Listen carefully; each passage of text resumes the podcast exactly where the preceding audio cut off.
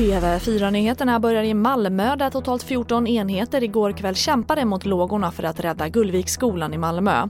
Ett VMA, viktigt meddelande till allmänheten, skickades ut på grund av rökutvecklingen.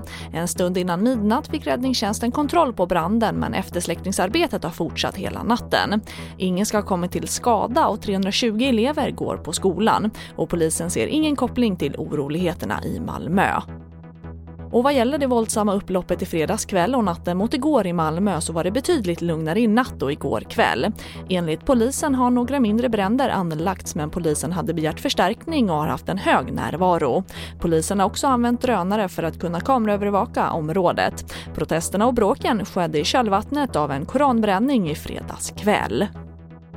Och vi stannar fortsatt kvar i södra delarna av landet för i Ronneby i Blekinge var det oroligt igår kväll sedan ett 15-tal personer kastat sten och betett sig våldsamt mot polis och räddningstjänst.